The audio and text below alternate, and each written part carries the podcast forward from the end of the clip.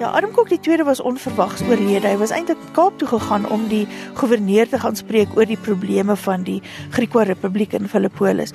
Ongelukkig was die goewerneur toe nie daar nie. En dit was in die daarvoor selfone, so hulle kon nie voor die tyd 'n afspraak maak nie, maar die goewerneur was op die oosfront gewees op daai stadium.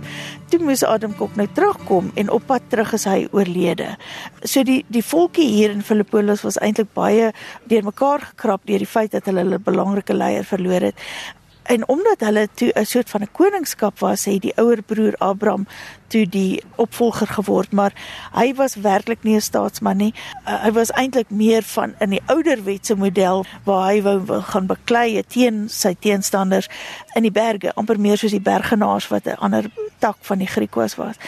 En toe die mense begin besef het dat Abraham Kok gaan nie die mas opkom het, hulle sy broer Adam Kok die 3de verkies en dit was Adam wat toe die geweldige besluit moes neem dan uiteindelik om sy hele volk te verskuif na die Oos-Kaap toe. Adam Kok 3 se staproete deur Filippolis. 'n Dokumentêre program op RSG, saamgestel deur Johan Rademan. Filippolis se boustel herinner meer amper aan die Maleier uh, gebiede in Kaapstad self wat natuurlik baie oud is en baie oorspronklik is. So die struktuur van Filippolis as mens inry kan mens sien dis nie 'n tipiese boeredorp van oorsprong nie. Dan is daar die meer moderne dele van Filippolis en daar sal mens sien die Afrikaanse boustyl en dorpstyl weer uh, toegepas word. Gewoonlik is die Afrikaanse styl nie 'n uh, een wat gemeenskaplikheid bevorder nie. Dis ek is 'n baas op my plaas, ek's 'n baas op my erf. My huis is in die middel van my erf, ek's weg van die sypaadjie af. Waar die Griekse manier was ons almal bly langs mekaar saam in dieselfde straatjie. Toby Miller straat in Filippolis is absoluut perfek wat hierdie tipe boustyl betref. Ja, so die Bo-Kaapse boustyl het ek dink met die Griekwas hulle pad gevind op met die Weskus oor na Griekwastad, Campbell en en Daniel Skuil en toe na Filippolis toe. Mens sien die twee hoofstraatjies wat suidwaarts loop van die kerk het 'n ander boustruktuur as die tipiese Afrikaanse dorp.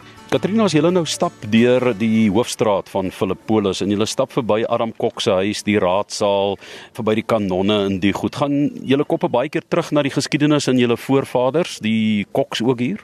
Ja.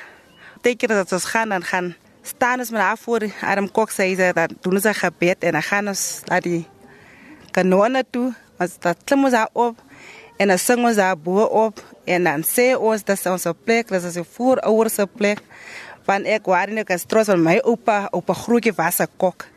Ek het net getrou in 'n dierie sin van ek was 'n kok. Ja, kon net bloed in my. Ja, ons staan nou hier bo op die koppie, ons het lekker hier opgeklim. Uh dis 'n redelike styl klim. En die wind waai lekker hier, dit het lekker gereën. Uh en die twee kanonne staan rustig hier soos hulle klaar blyklik vir die afgelope 150 jaar plus hier gestaan het. Toe Adam Kok hier weg is, uh hierdie landros blykbaar daar beslag gelê. Hy het dit probeer wegsteek, maar hulle wou nie die kanonne laat gaan nie. nie. Die kanonne het hier agtergebly en uh, ek dink in die 1980s het die mense goed gedink om dit hier op hierdie koppie op te hys. Uh en hier staan dit rustig sonder om te skiet. Dion Beneke, 'n regsman en amateurhistorikus met 'n groot belangstelling in die Griekwa geskiedenis in Filippolis waar hy woonagtig is. Saam met hom professor Doreen Atkinson. Dis te betwyfel of hulle ooit die kanonne gebruik het want hulle manier van veg was baie mobiel. Hulle het perde gery, hulle het in daai tyd se moderne geweer gehad. So hulle manier van veg as ek dit net so mag noem, was dat hulle het in twee linies gestaan. Een linie agter met op 'n perd met hulle gewere, die voorste linie dan vooruit gery en dan 'n skoot afgevuur. En dan moes hulle nou hulle gewere herlaai, maar dit vat 'n hele tydjie. Dan hulle teruggespring op hulle perde en agtertoe gery. En dan die agterste linie vooruit gery en gou gaan skiet. So hulle het met sulke sarsies het hulle geskiet want dit so lank gevat om die gewere te herlaai. En dit was hulle tegniek uiters mobiel met hulle perde en moderne gewere. So dis te betwyfel of hulle ooit die kanonne gebruik het, maar dit staan bo op die koppie en dit was volgens oorlewering aan hulle geskenk deur die Britte deur koningin Victoria. Kaptein Johannes Kraalsoek is 'n groot Griekwa leier in die Vrystaat. En dan was hulle baie goed in skiet. My oupa was 'n skieter. Die soldate van Tempi het hom altyd gevra om van op die groot dam gaan ze te schieten. Nee, daai man, jy kan 'n tikkie, 'n tikkie. Waar is as wat ek lewe? 'n Tikkie kan jy so optos, jy skiet hom weg. Jy sal nie kan. Daai man so goed was hy, reg. En uh, daai ook er is begrawe. Ek het sy naam. Die riet wat beeg. Maar hy breek nie. Johannes. Hy sê jy reg. Wat is so dis die riet wat beeg, maar jy sal hom nie kan breek nie want sy naam is Johannes, die man wat die Here se weer reguit maak. Die Griekse era was omtrent 1822 teer na 1861. Dit is 'n ruim 40 jaar waar die Griekse hulle tempel afgedruk het in Filippolis en hulle het 'n baie belangrike rol gespeel in die grenssituasie van die Kaapkolonie. Dit is eintlik geweldig jammer dat hulle so verarm is deur hulle epiese tog oor Lesotho se berge na Kokstad. Dit was die ergste droogte wat enigiemand kon onthou. Hulle het sommer deur die Oranje rivier gestap met derduisende vee waarvan meeste van dit dood is op pad uh, oor die berge. Hulle was aangeval deur die Sotos. Toe hulle uiteindelik in Kokstad aankom, was daardie tog vir hulle amper een te veel geweest. Hulle moes werklik hard werk en sukkel om weer hulle staat daar op te bou en hulle was net onafhanklik vir 12 jaar voordat daardie area toe weer oorgeneem was deur die Kaapkolonie.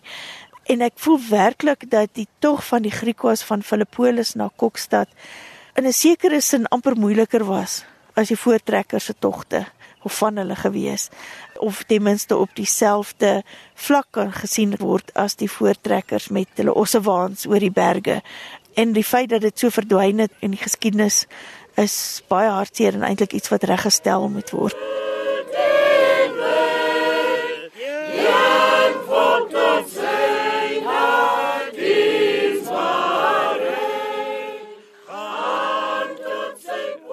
Katrina Derrison, die vrou van oom Boetjie Derrison, het 5 kinders by hom en is 'n Griekwa afstammeling.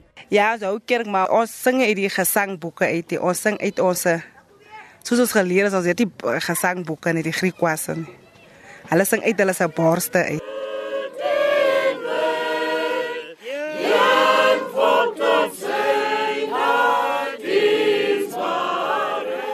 Omboetjie is nou self 'n Griekwa, nie meer vandag se kind nie, maar Omboetjie het 'n ryk nageslag. Hoeveel kinders het Omboetjies of sal ek nou sê klein Griekwaatjies?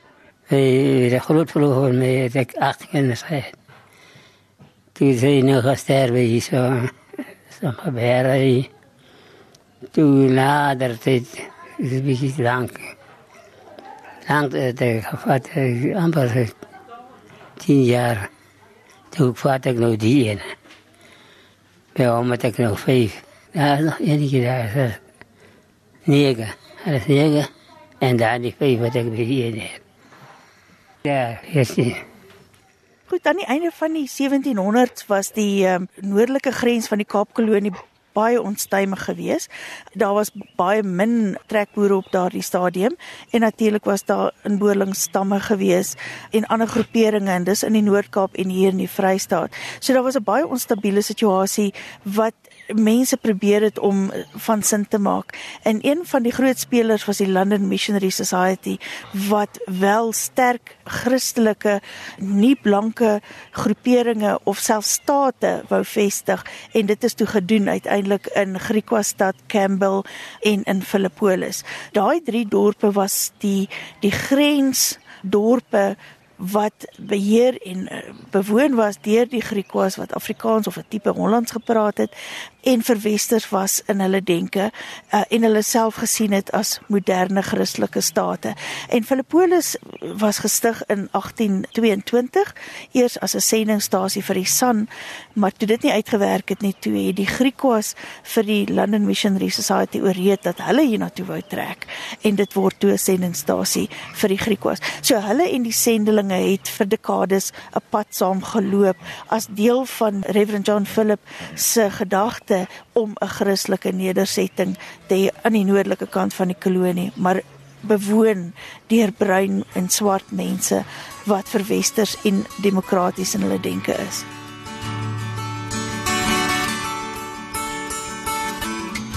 Johan ons staan nou hier by die veekraal in Justisiestraat. Uh vee het 'n baie belangrike rol in die Griekwas se lewens gespeel. Hulle is uh, hier by Philippolis weg met omtrent 30000 stuks vee.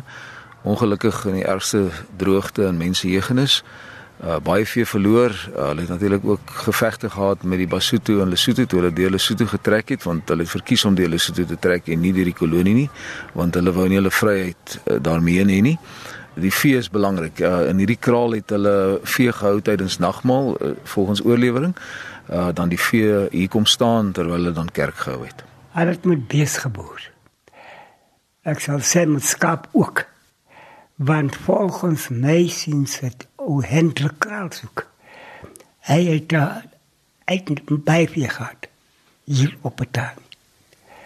Hy het uh, soveel vee gehad dat hy kon dit nie tel nie. Hy moes stippietjies optel en klippertjies van 'n sakkie af uitgooi om vas te stel hoe veel het hy. Die beest wil ek nie praat nie, was net so baie. En uh, hy was in dieselfde tyd was hy 'n leier van die gemeenskap. En sy leierskap het hy gekry by Kok 2.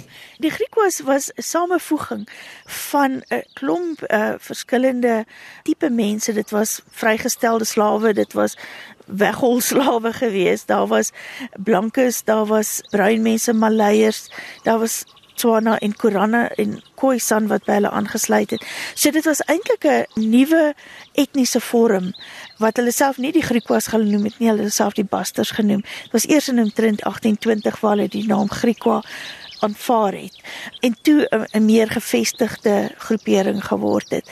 Maar mense kan ook sien dat van die ander groeperinge in destyds en daai tyd was ook sulke samevoegings in die 1780s, 90s en in tenema tot 1820 en 30 was daar oor die hele Suid-Vrystaat en Noord-Kaap was daar sulke bendes wat geweldig brutaal was en en beeste gesteel het by ander mense, by ander groeperinge.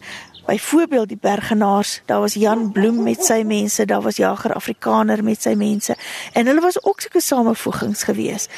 Jan Bloem toevallig was 'n blanke wat saam met die Korana geveg het. Een van hulle afstammelinge of groepering was die Bergenaars wat by Hartswater en in die Langberg geskuil het en mense beroof het. So dit was 'n rowwe tyd. Maar mense kan sien hoe die groepe van die Griekwas en van die ander belangrike bendes van daai tyd, as mense dit sou wil noem, eintlik samevoegsels was van mense wat uitgewekenis was van ander groeperinge. Jou etniese identiteit was werklik nie die belangrikste nie. Dit was meer hoe jy 'n lewensbestaan wou voer en watter middele jy wou gebruik en of jy wou vee aanhou of jy wou gewasse verbou en of jy wou beeste en en ander uh, vee steel ryding wat hulle genoem het ryding uh van ander groeperinge. Van mense soos Abraham Kok byvoorbeeld was een van die ryders. Hy wou nie kom sit in 'n dorp en 'n uh, lappie milies kweek nie werklik nie. Hy wou in die berge skuil en hy wou vee roof en hy wou vir homself 'n magsbasis ophou. So dit het werklik meer gegaan oor watter tipe lewens bestaan jy wou voer liewerster as jou etniese identiteit. Die ou keer as my my pa sy pa het hom gesê en hy het vir ons ook gesê. Dis is jong mannetjies, dit is wat gaan gedagte het nou. Toe die ou man vir ons gesê en daar nou ons broer. My broer is my ma gestel. Is ons dink net twee van wat nog lewe. En niet aan kinderen wat ik nog het. En hulle is almal Griekwas. Ja, hulle is almal Griekwas. Pa kan nie Griekwas en die kinders uh, leerling is nie daar. so dan dit met my pa my gesê. En my beste ook geleer hoe moet ek boer met. Hoe moet ek boer met die skape? Hoe moet ek boer met die bokke? Allerlei dinge het my geleer. Ek moet nie by, by ramme wat geteel is saambring nie. Ek moet daai ramme wat ek by hulle geteel het, wat ek nou verkoop en dan koop ek ander ramme aan. So word het gewerkt. Die beeste is dieselfde. pera die cena. Ek het hier is 'n plek nou wat ek kan me veel lekker insit want die, die groepe bly so by mekaar. Ek sê elke dag met kinders hier. Jy weet om saam met God te lewe en saam met hom te slaap en op te staan. As vir jou die beste ding op aarde. Die dag toe ons hier uitgevaart word deur Lutherkerk was ek 21. Hulle het my gelos van 18 jaar van 18 jaar moet jy uit. Dan gaan werk jy vir jou ouers iewers. Maar vir ons het hulle gelos die vier reise die Griekwyse. Omdat Adam Kok die derde moet lê eet afgelê. Ja die Griekwas moet nooit nooit van die grond af gaan. En daarom kon ons nou die hele tyd nie afgaan. En uh, Toe kom dit nou so daar die dag het pastoor red in onder die klok die vergadering en ek staan langs hom uit toe hy het nie gesien ek staan langs hom toe sê ek moet God fluister toe vind ek ek staan langs hom en toe kyk hy my maar ek het dit gesien nie soos die ander man aan my sê en hy vat so op my kop hy sê moenie worry nou sien God sal dit regmaak soos God jou uitvat hy sal jou terugbring En dis sê ek vir God, God, soos jy my hier uitvat, so bring jy my terug asseblief.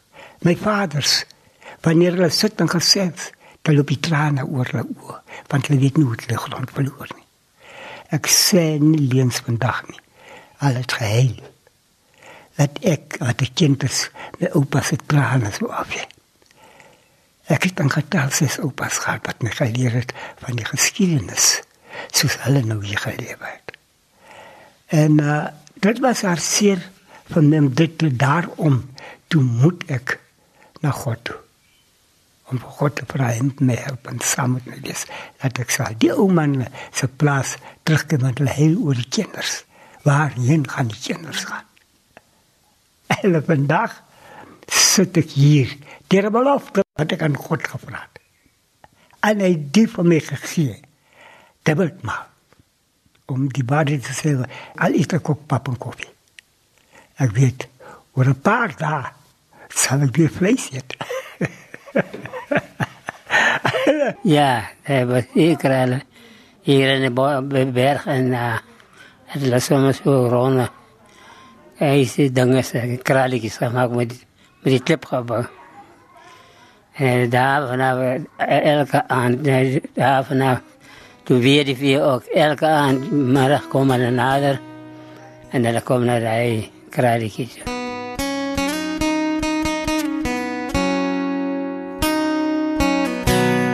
Dion die grafte hier, die klipgrafte, hier is etlike van hulle in die begrafplaas hier by Filippolis. Dan is daar met wit kruisies en die sendeling se graf. Hier is Jode wat hier begrawe is, almal in daardie tyd na al die geveg en die gestry en die gebeklei lê almal saam, né? Ja, is interessant.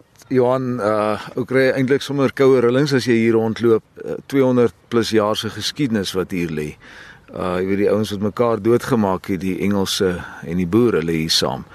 Uh en natuurlik die Griekwas waarvan die baie min duidelikheid is oor wie die mense is wat hier begrawe is want almal is maar net klipstapeltjies of net 'n klip wat regop gesit is in die grond en dan die sendelinge se grafte wat redelik mooi is uh en waar daar nou inskripsies is wat besig is om te verweer ongelukkig. Adam Kokkele was nie intellektueles nie. Hulle was doeners.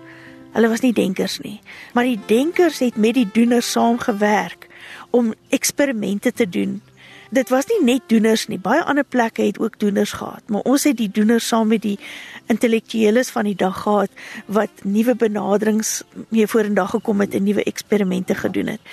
So met ander woorde, die Grieke was omdat hulle 'n demokrasie was, moes hulle 'n plek gehad om te vergader. En uh, dit is die ou raadsaal in Filippolis in Voortrekkerstraat wat nou die komme in koffiewinkel is en dit was die raadsaal van die Griekwas wat ruim genoeg was as mens instap kan mens sien die proporsies van daardie huis was of daardie gebou was so dat hulle kon hulle parlement gehou het. Uh, later het dit nou 'n woonhuis geword en nou op die oomblik is dit 'n koffiewinkel. Streng was hulle baie. Waterboer. Dis kind sy pa gevloek het wat waterboer. Die ouma en daar wil die ouma kom en sê hierdie kind vloek sy pa. Dis sê wat? Sê pa, ja. Ek sal die raad net met mekaar roep. Dis raad by mekaar kom. Dis sê hulle hang hom net hier. Toe hang hulle hom hy gaan geboom. En hy is begrawe. En dit was die manier van die kooikind die Griekwas. Tand vir tand, oog vir oog. En dit is hoe hulle dit gedoen het. As jy verkeerd is, as jy nie goed vir die samelewing nie. En daarom dink ek was hulle so godvreesend. Die Griekwas het hulle dorp hier gestig met die sendingstasie. Hulle het eintlik die hele suidelike Vrystaat beheer. Dit was hulle hulle woongebied en waar hulle geboer het. Maar hulle het gekom teen twee groot kragte wat uiteindelik te veel was vir hulle. Die een was die trekboere, die blanke trekboere wat inbeweeg het van die kolonie. Die trekboere was glad nie polities nie. Hulle wou net beter grond kry, groter grond kry, wil groter boer. En hulle het geleidelik begin om grond te huur by Adam Kok se mense in Naderland te koop. En so geleidelik het Adam Kok se mense hulle beheer verloor oor hulle soewereiniteit omdat daar net soveel blanke boere ingetrek het. En dit waar voor die Smit gestig was as 'n baie vroeë kerkdorp van die trekboere wat gehuur het by Adam Kok. Toevallig vir die Smit se naam in die 18 40s was Sannaspoort, reeds later vir die Smit geword. Maar 'n hele ander verskynsel was die voortrekkers wat polities georiënteerd was. Hulle was weg uit die kolonie want hulle het 'n renons gehad in die Britse manier van regeer en eintlik die hele anglisasie van die Kaapkolonie. So hulle het hulle self gevestig in Winburg. Daai daai Bloemfontein nou glad nie bestaan nie. So Winburg was die kernpunt van die Boererepubliek in die Noord-Vrystaat. So die hele Vrystaat area was verdeel tussen die voortrekkers in Winburg en die Griekwas in Filippolis. Dis nogal vreemd om te dink dat wat vandag twee redelik onbenullige dorpies is, was die twee kerndorpe van die Vrystaat. En eh, dit was die die voortrekkers wat ongemaklik geraak het met die Britse inmenging aan die noordelike kant van die Oranje rivier. En dit is waar daar twee slagtings plaasgevind het by Swartkoppies in 1846 en Boomplaats in 1848. En in Boomplaats het die Britte saam met die Griekwas teen die boere of die voortrekkers geveg en hulle verslaan. Kyk, ons kyk nou nie 'n groot slagting nie. Mens wonder daar was seker 'n paar honderd mense aan elke kant wat mekaar verjaag het in die berge by Boomplaats. Uh dis net Wes van Edenburg. Uh maar Boomplaats was op die hoofroete tussen Filippolis en Winburg en dis nou waar die slagting plaasgevind het. En toe op daai stadium het die Griekwas nog steeds hulle soewereiniteit verseker teen die aanslag van die noorde. Wat is jou een groot droom vir die Griekwa bevolking van Suid-Afrika? Ek wil hê hulle moet ons erken. Ek kom maar so 'n bietjie hier en daar praat hulle so oor die Griekwasse. Maar seker nie ons is Griekwasse, ons wil net ons taal terugkry. Ons sukkel met die taal. Maar hulle is nou besig met die taal. Maar ek waar nie gestroos daaroor. Die mense sê hulle kleerlings sê ek nie is reg as julle kleerlings is. Ek is 'n Griek, ek weet waar toe gaan ek en waar vanaf kom ek. Ek sê ek, ek het 'n plek waar ek kan as ek van die plek van Filippolis af weg gaan. Ek gaan ek net my eiendom toe wat ons het, die Griek was het en as by Ratelgat. Ons eiendom is daar so. Nou die ander sê hulle skooies, ander sê hulle swane en so hulle noem die name so. Maar ek sê ek is Griek. Ja, hulle is almal Griek. Kinders. Ah, leerling is nie daar. So dan Ja, sien hier, jy het 'n woord uitgegaan. Dat kyk, die taalkultuur kuns wat julle doen. Dit is wat die Bobojana doen. So, julle moet heeltemal terugkom om mens te word. En uh, daar het we kultuur, taal en kuns word dood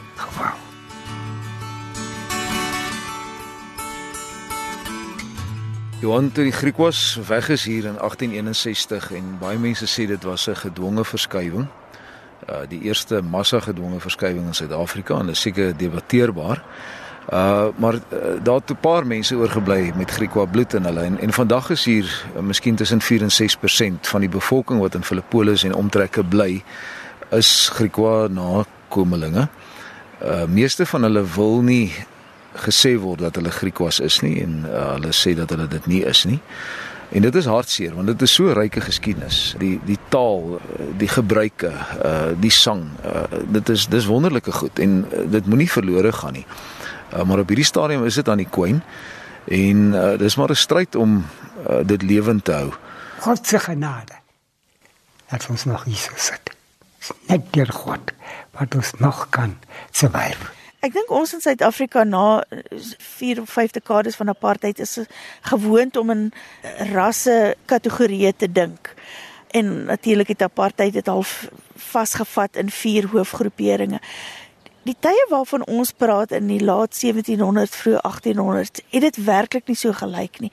In elke rassegroepering was daar verskillende ondergroeperings. Byvoorbeeld die blankes kan mens werklik onderskei tussen vier groeperings van die Kaapkolonie met sy gesag, die sendelinge met hulle redelik wêreldwyse teologiese gesag, die voortrekkers met hulle republikeinse strewe en dan die trekboere wat wou uitbrei dan onder die swart en bruin groeperings was daar net soveel struwelinge of verdeeldheid of samewerking. Dit was baie vloeibaar geweest. En baie keer het mense oor die groepe saam gewerk en saam gewoon en saam vooruit gegaan. Dit was glad nie so rasgebonde as wat ons nou aangewoond is nie. Met ander woorde, dit was 'n tyd waar daar geweldige nuwe opsies, nuwe strategieë, nuwe taktieke was om nuwe tipe state te vorm wat teen 1860 was daai fase verby want toe het die Kaapkolonie homself gekonsolideer. Hulle het Griekeland Wes ingeneem in die Noord-Kaap. Hulle die Vrystaat het hulle vir 'n Suid-Vrystaat beheer en uh, in toe die Vrystaat 'n Afrikaanse Republiek geword. So teen 1860 was daardie ongelooflike interessante tydperk toe verby toe die blanke hegemonie of dit nou Brits of Afrikaans was homself toe gevestig het. In die voetspore van Adam Kok 3, 'n dokumentêre program saamgestel deur Johan Rademan. Maar dit is nou hoe die lewe nou is. Die taal is dood, alles van ons is heel dood.